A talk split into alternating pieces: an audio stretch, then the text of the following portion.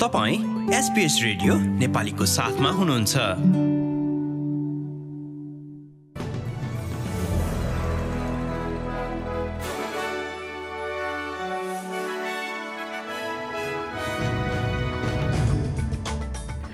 नमस्कार आज शुक्रबार उन्तिस सेप्टेम्बर दुई हजार तेइस र अब पालो भएको छ एसपिएस नेपालीबाट आजका प्रमुख अस्ट्रेलियाली समाचारहरू सुन्ने प्रसङ्गको सुरुवातमा डिसेबिलिटी रोयल कमिसन। सरकारले अपाङ्गता सहाय आयोगद्वारा सिफारिस गरिएका दुई सय बाइस बुदाहरू लागू गर्नुअघि त्यसको अध्ययनका लागि एक छुट्टै टास्क फोर्स गठन गर्ने बताएको छ। डिसेबिलिटी रोयल कमिसन छानबिनको अन्तिम रिपोर्ट आज सार्वजनिक गरिएको थियो। बाह्र भाग रहेको उक्त प्रतिवेदन गएका चार वर्षहरूमा आयोजना गरिएका सार्वजनिक सुनवाई निजी भेटवार्ता र पत्रहरूमा आधारित रहेको बताइएको छ। वुडसाइड एनर्जीद्वारा आफ्नो एक ग्यास परियोजनाका लागि विस्फोटक पदार्थ पड्काएर भूकम्पन हुने कार्यलाई रोक्न एक आदिवासी सफल भएकी छिन्।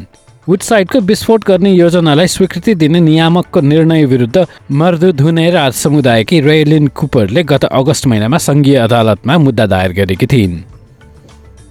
सर माइकल गाम्बनको बयासी वर्षको उमेरमा मृत्यु भएको छ। ह्यारी पोटर चलचित्रमा डमल डोरको भूमिकाबाट उनी आफ्नो जीवनको उत्तरार्धमा लोकप्रिय भएका थिए।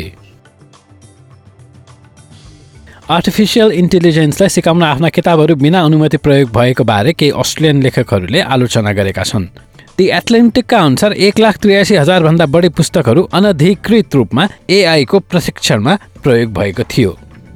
र खेलकुदमा भोलि शनिबार हुने एएफएल ग्रान्ड फाइनल जसमा मेलबर्नको कलिङवुड र ब्रिस्पेन लायन्स एमसिजीमा भिड्ने कार्यक्रम छ. आज बिहान हजारौँ समर्थकहरू भोलिको खेलमा सहभागी हुने खेलाडीहरू सहितको झाँकीमा मेलबर्न सहरमा उपस्थित भएका थिए।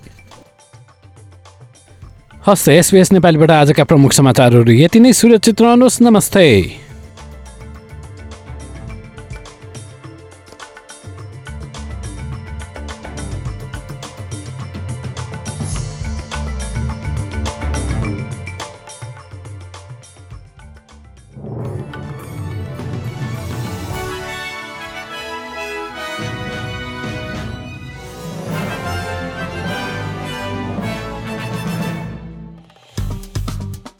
लाइक सेयर र कमेन्ट गर्नुहोस् एसपिएस नेपालीलाई फेसबुकमा साथ दिनुहोस्।